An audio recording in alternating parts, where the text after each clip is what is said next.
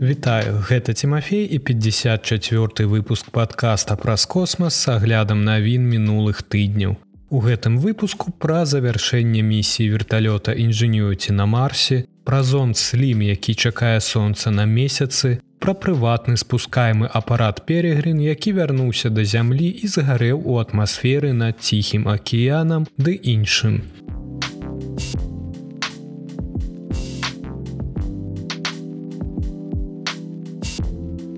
Гістарычнае падарожжа інжынюці першага верталёта на іншай планеце падышло да канца. Верталёт NASAа інжынюці відавочна пацярпеў крушэнне на простым участку марсіянскай зямлі. Падчас палёту 18 студзеня інжынюці атрымаў пашкоджанне прынамсі адной з чатырох лопасцяў. У выніку чаго наватарскі верталёт быў назаўжды спынены. Паведамілі 25 студзеня прадстаўнікі NASAа. А пакуль каманда ўсё яшчэ аналізуе тое, што адбылося падчас той фатальнай вылазкі, яны сабралі разам верагодны сцэнар. І ён паказвае на пясчаную амаль вольную ад камянёў вобласць Марса, якую даследаваў інжынюці. Верталёт выкарыстоўваў вялікія камяні і іншыя прадметы, каб арыентавацца падчас сваіх палётаў на Марсе. Аднак падчас апошніх чатырох вылетаў ён быў на пясчаным участку, які не даваў ніякіх навігацыйных указанняў. Гэта адна з самых складаных тэрыторый, па якіх нам калі-небудзь даводзілася перамяшчацца, сказаў Тэдзі Цэната з кіраўнік праекта інжынёці ў лабараторыі рэактыўнага руху ў паўднёвай Каліфорніі. У інжынёце і раней былі праблемы ў гэтым раёне. 6 студзеня ён здзейсніў змушаную пасадку, перапыніўшы рэйс 71. Відаць таму, што не змог належным чынам зарыентавацца ў наваколлях. Тое ж самае, верагодна, адбылося і з рэйсам 72. Але на гэты раз інжынёце відавочна садзіўся пад кутом і сутыкнуўся аб чырвоны бруд як мінімум адным са сваіх вінтоў. На сённяшні дзень камандзе атрымалася ідэнтыфікаваць на фатаграфіях толькі адну пашкоджаную лопасць, але іншыя, верагодна, таксама стукнуліся аб зямлю, улічуючы, што інжынюеці круціць іх з хуткасцю больш чым две з паловай тысячи абаротаў у хвіліну падчас свайго палёту. Магчыма, будзе складана дакладна вызначыць, што адбылося. Паколькі падчас прызямлення ў інжынюеце адбылося адключэнне сувязі. Таму у каманды няма доступу да ўсіх неабходных дадзеных. Але гэты сцэнар адпавядае той інфармацыі, якую яны маюць. Жорсткая пасадка не стала прычынай гібелі інжынюеці, які разам з марсаходам NASAа Персевіранс прызямліўся на дно кратэра Джезера ў лютым 2021 года. Каманда хутка аднавіла сувязь з верталётам і ўстанавіла, што ён знаходзіцца ў добрым здароўі, не лічачы пашкоджаныя лопасці. Аднак гэтыя страты не дазволяць інжынюці зноў лётаць. Верталёт ужо не мае той цягі, якая была раней. Інжынюеце гэта дэманстратор тэхналогій, які быў спраектаваны для здзяйснення ўсяго 5 палётаў на паверхні Марса. Таму на ім няма ніякіх навуковых інструментаў. Перад верталётам вагой 1,8 кілаграмаў была пастаўлена задача прадэманстраваць, што палёт з рухавіком сапраўды магчымы на марсе. Нягледзячы на тонкую атмасферу планеты, ён хутка зрабіў гэта падчас кампаніі з 5 палётаў. Затым NASAа прадставіла інжынюці пашыраную місію, падчас якой апарат служыў выведнікам для персевіранс. Падчас гэтай новай кампаніі інжынюці здзейсніў каласальныя 67 палётаў што нашмат перасягнула чаканні навукоўцаў і інжынераў місіі. Хоць асноўная місія маленькага верталёта павінна была прыцягнуцца ўсяго 30 дзён, ён заставаўся ў працоўным стане на паверхні Марса амаль тры гады.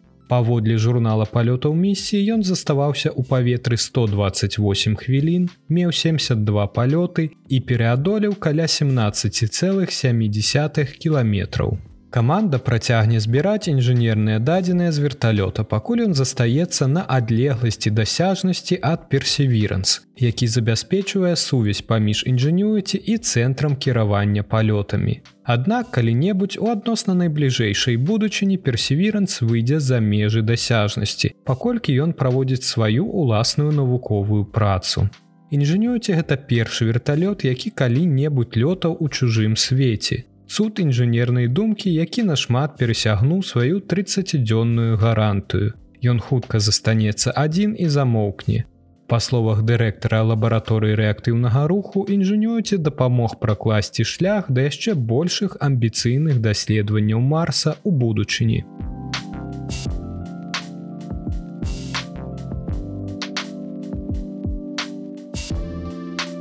Канцэпт самалёта дзікі Марс можа шукаць ваду высока ў атмасферы Марса.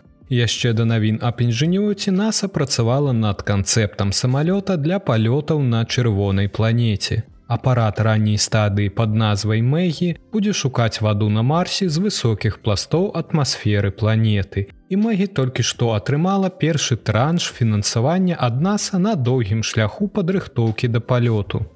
Але на дадзены момант тэрміны першага палёту карабля яшчэ не вызначаны. Мэгі расшыфроўваецца як інтэлектуальны даследчык марса з паветра і наземных умоў і ўяўляе сабой летальны апарат на сонечнай энергіі прызначаны для вертыкальнага ўзлёту і пасадкі. У яго тэхнічным апісанні гаворыцца, што ён можа прыляцець да 179 кіламетраў на адной зарадцы і разлічаны на прабег у 18048 кіламетраў на працягу аднаго марсіянскага года, што адпавядае прыкладна 24 месяцам на зямлі. Пралятаючы на вышыні адной тысячи метраў над чырвонай планетай мэгі засяродзіцца на трох навуковых даследаваннях. Паляванні за вадой, лепшым разуменні крыніцы слабага магнітнага поля марса і пошуку сігналаў няўлоўнага метану, які можа ці не можа быць сігналам жыцця ў залежнасці ад крыніцы. Прадастаўленне фінансавання дасць магчымасць прадоўжыць рэалізацыю гэтай канцэпцыі. І магчыма, аднойчы самалёт будзе карысны для буйнамаштабных даследаванняў. Фінансаванне Мэгі не абавязкова гарантуе будучую дату палёту. Але ёсць і іншыя марсіянскія летальныя апараты, якія могуць неўзабаве адправіцца ў шлях. Але ў іх ёсць праблемы з фінансаваннем. Місія павяртанні ўзору з марса, якая можа вярнуць узоры, якія збірае марсаход персеверанс, можа ўключаць у сябе два верталёты, якія спатрэбяцца, калі марсаход не зможа даставіць узоры на карабель самастойна.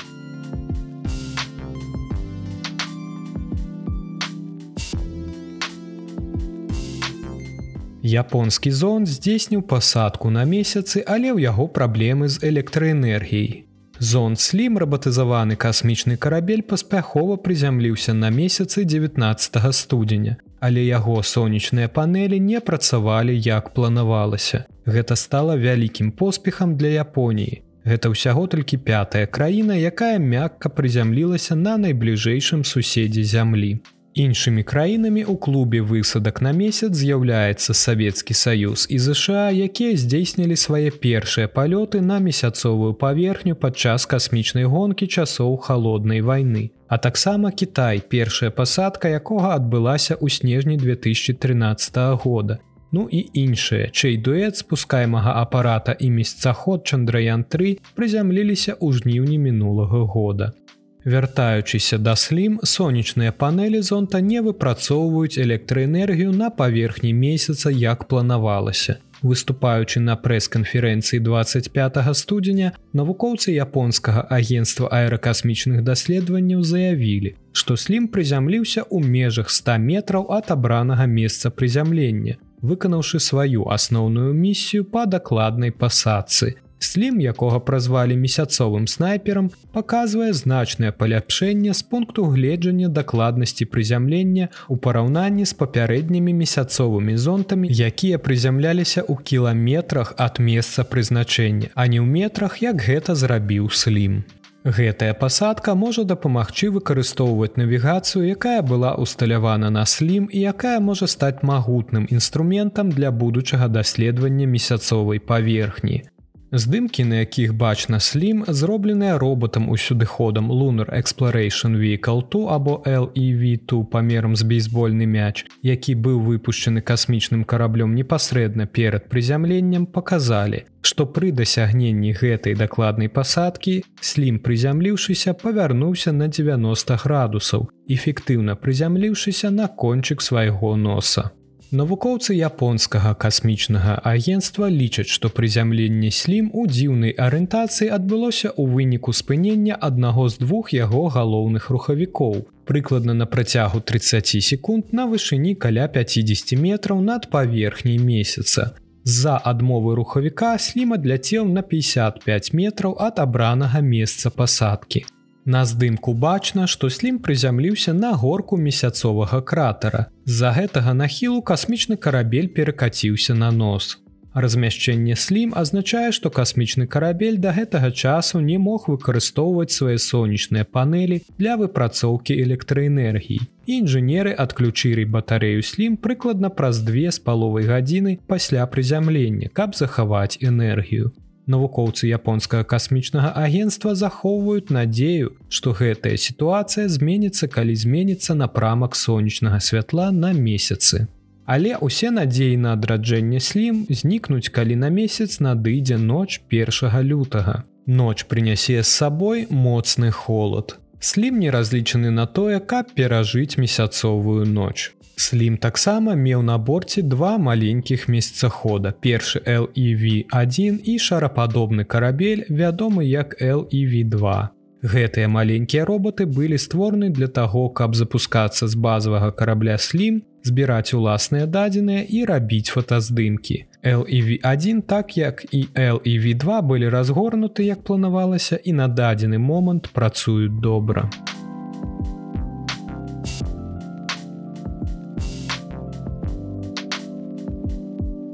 Першая місія Перегрин афіцыйна завершана. Далей яшчэ аб адной месяцовай місіі, якая не змагла ажыццявіць пасадку на месяц. Першы амерыканскі камерцыйны спускаемы апарат, які распачаў сваю спробу палёту на месяц, вярнуўся на зямлю і згарэў над ціхім акіянам, завяршыўшы сваю місію. Пасадачны модуль перегры ад Астрабоцік быў запущены 8 студзеня на ракете United Launch Alliance Вулкан з Флорыды. Месяцовы робот нёс 5 навуковых карысных грузаў NASAа у рамках праграмы камерцыйнага абслугоўвання месяцовай карыснай нагрузкі касмічнага агенства і больш за тузін іншых прадметаў ад кліентаў з усяго свету.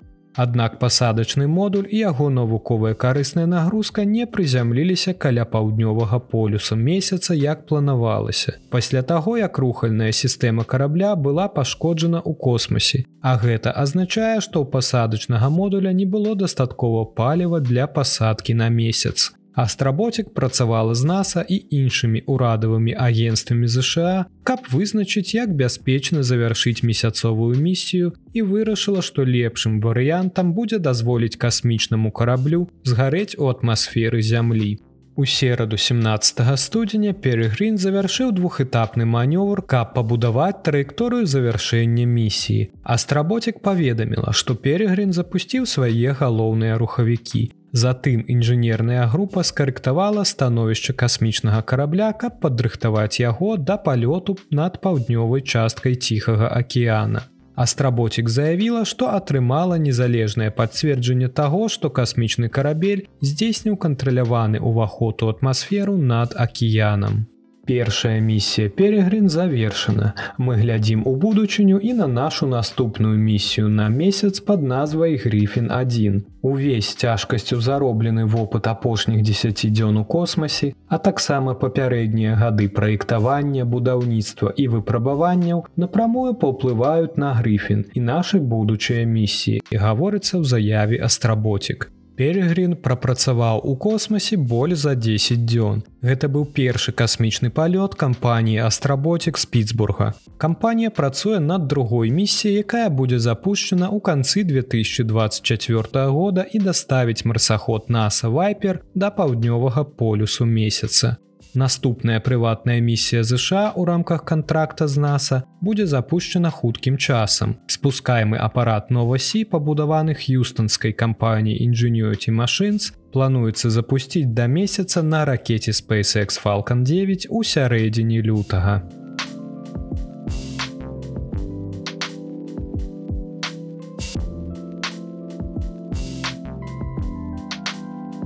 NASA нарэшце адкрыла кантэйнер з узорамі астэроіда Асайрес Рекс.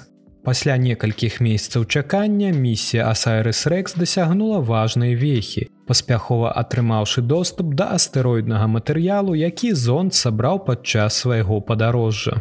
Паводле заявы 10 студзеня група тэхнічных спецыялістаў нарэшце зняла два упартыя мацаванні, якія замыкалі каштоўны груз, падаўшы навукоўцам беспрэцэдэнтны доступ да матэрыялу астэроіда. Касмічны карабель Асайрыс Рекс увайшоў у гісторыю ў верасні 2023 года, калі ён стаў першай місіяй ЗША, якая даставіла на зямлю узор астэроіда. Узор надзейна захоўваўся ў зваротнай капсуле. Вельмі блізка, але па-за дасяжнасцю з-за двух захраслых зашпілек, якія ўсё ніяк не ўдавалася адкрыць.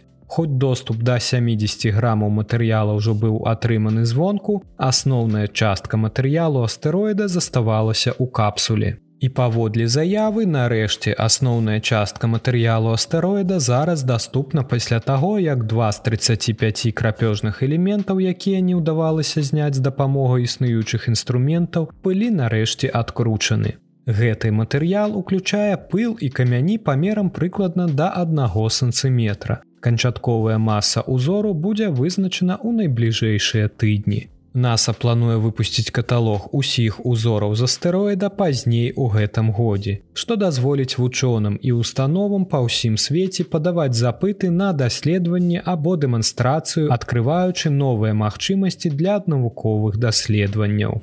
Астэроід Бэну, які як мяркуюць, уяўляе сабой прымітыўную касмічную скалу, якая ўзнікла яшчэ на світанку існавання нашай сонечнай сістэмы. І ён патэнцыйна можа даць бесцэнную інфармацыю аб фармаванні і эвалюцыі нябесных цел. Вывучэнне ўзораў сабраных з яго паверхні магло б раскрыць важныя падказкі аб нашым касмічным суседстве, спрыяючы разуменню таямніцу свету. Тым часам касмічны карабель Асайрыс Рекс, які збіраў узоры, змяніў назву і місію. Зонт, які цяпер называецца Асайрыс Апекс, знаходзіцца ў пяцігадовым падарожжы для вывучэння астэроіда апофіса, названы ў гонар старажытна-егіпецкага бога хаосу.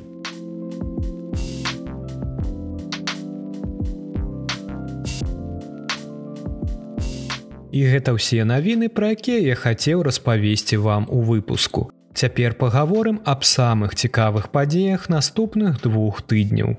Сёмага лютага месяц асветлены на 8соткаў і Венера сустрэнуцца ў сузоры стральца. Планета будзе бачная наперад ранішнім небе побач з тонкім паўмесяцам. 8 лютага месяц адсветлены на 3соткі і Марс сустрэнуцца ў сузор'і стральца. Планета ўзыдзе раніцай прыкладна за гадзіну да сонца. 9 лютага месяц будзе знаходзіцца ў найблізкай да зямлі кропцы на арбіце. Але на жаль, гэты супермесяц будзе занадта блізка да сонца, каб яго можна было бачыць назіральнікам зямлі. Тэрмін супермесяц прыдумаў Рчард Ноле ў 1979 годзе Ён вызначае супермесяц як новы або поўны месяц, які адбываецца, калі месяц знаходзіцца на максімальным набліжэнні да зямлі на зададзенай арбіце або блізка ад яе ў межах 90соткаў. Выкарыстоўваючы гэта вызначэнне, мы можам сказаць, што любы маладзік або поўня, які знаходзіцца на адлегласці меней 361 тысячи кіламетраў ад нашай планеты, калі выміраць ад цэнтра месяца зямлі, лічыцца супермесяцам. 9 лютага месяц будзе на адлегласці 358 744 кіламетра. 11 лютага месяц асветлены на 5соткаў і Сатурн сустрэнуцца ў сузор'і вадалее. Паколькі падзея адбудзецца на наступны дзень пасля маладзіка, наш натуральны спадарожнік наўрад ці атрымаецца убачыць. Сатурн можна будзе назіраць на вячэрнім небе яшчэ пару гадзін пасля захода сонца. Дзякуй, што даслухалі да канца. Я хочу выказаць вялікую падзяку патронам за падтрымку майго падкаста. Вы заўсёды можете далучыцца спасылка в опісанні. Вы таксама можете падтрымаць мяне, ставячы падабайкі, робячы рэпосты, пакідаючы каментары. Старонкі падкаста ёсць у нстаграме, тэлеграме, цвітары, аўдыоверсія ёсць на Ютубе, а таксама я дзялюся маленькімі часткамі падкаста з відэаўстаўкамі ў тик-токе. Таму вы можете абраць зручную для вас сацыяльную сетку або подпісацца на ўсе. Да пабачэння пачуемся ў лютым.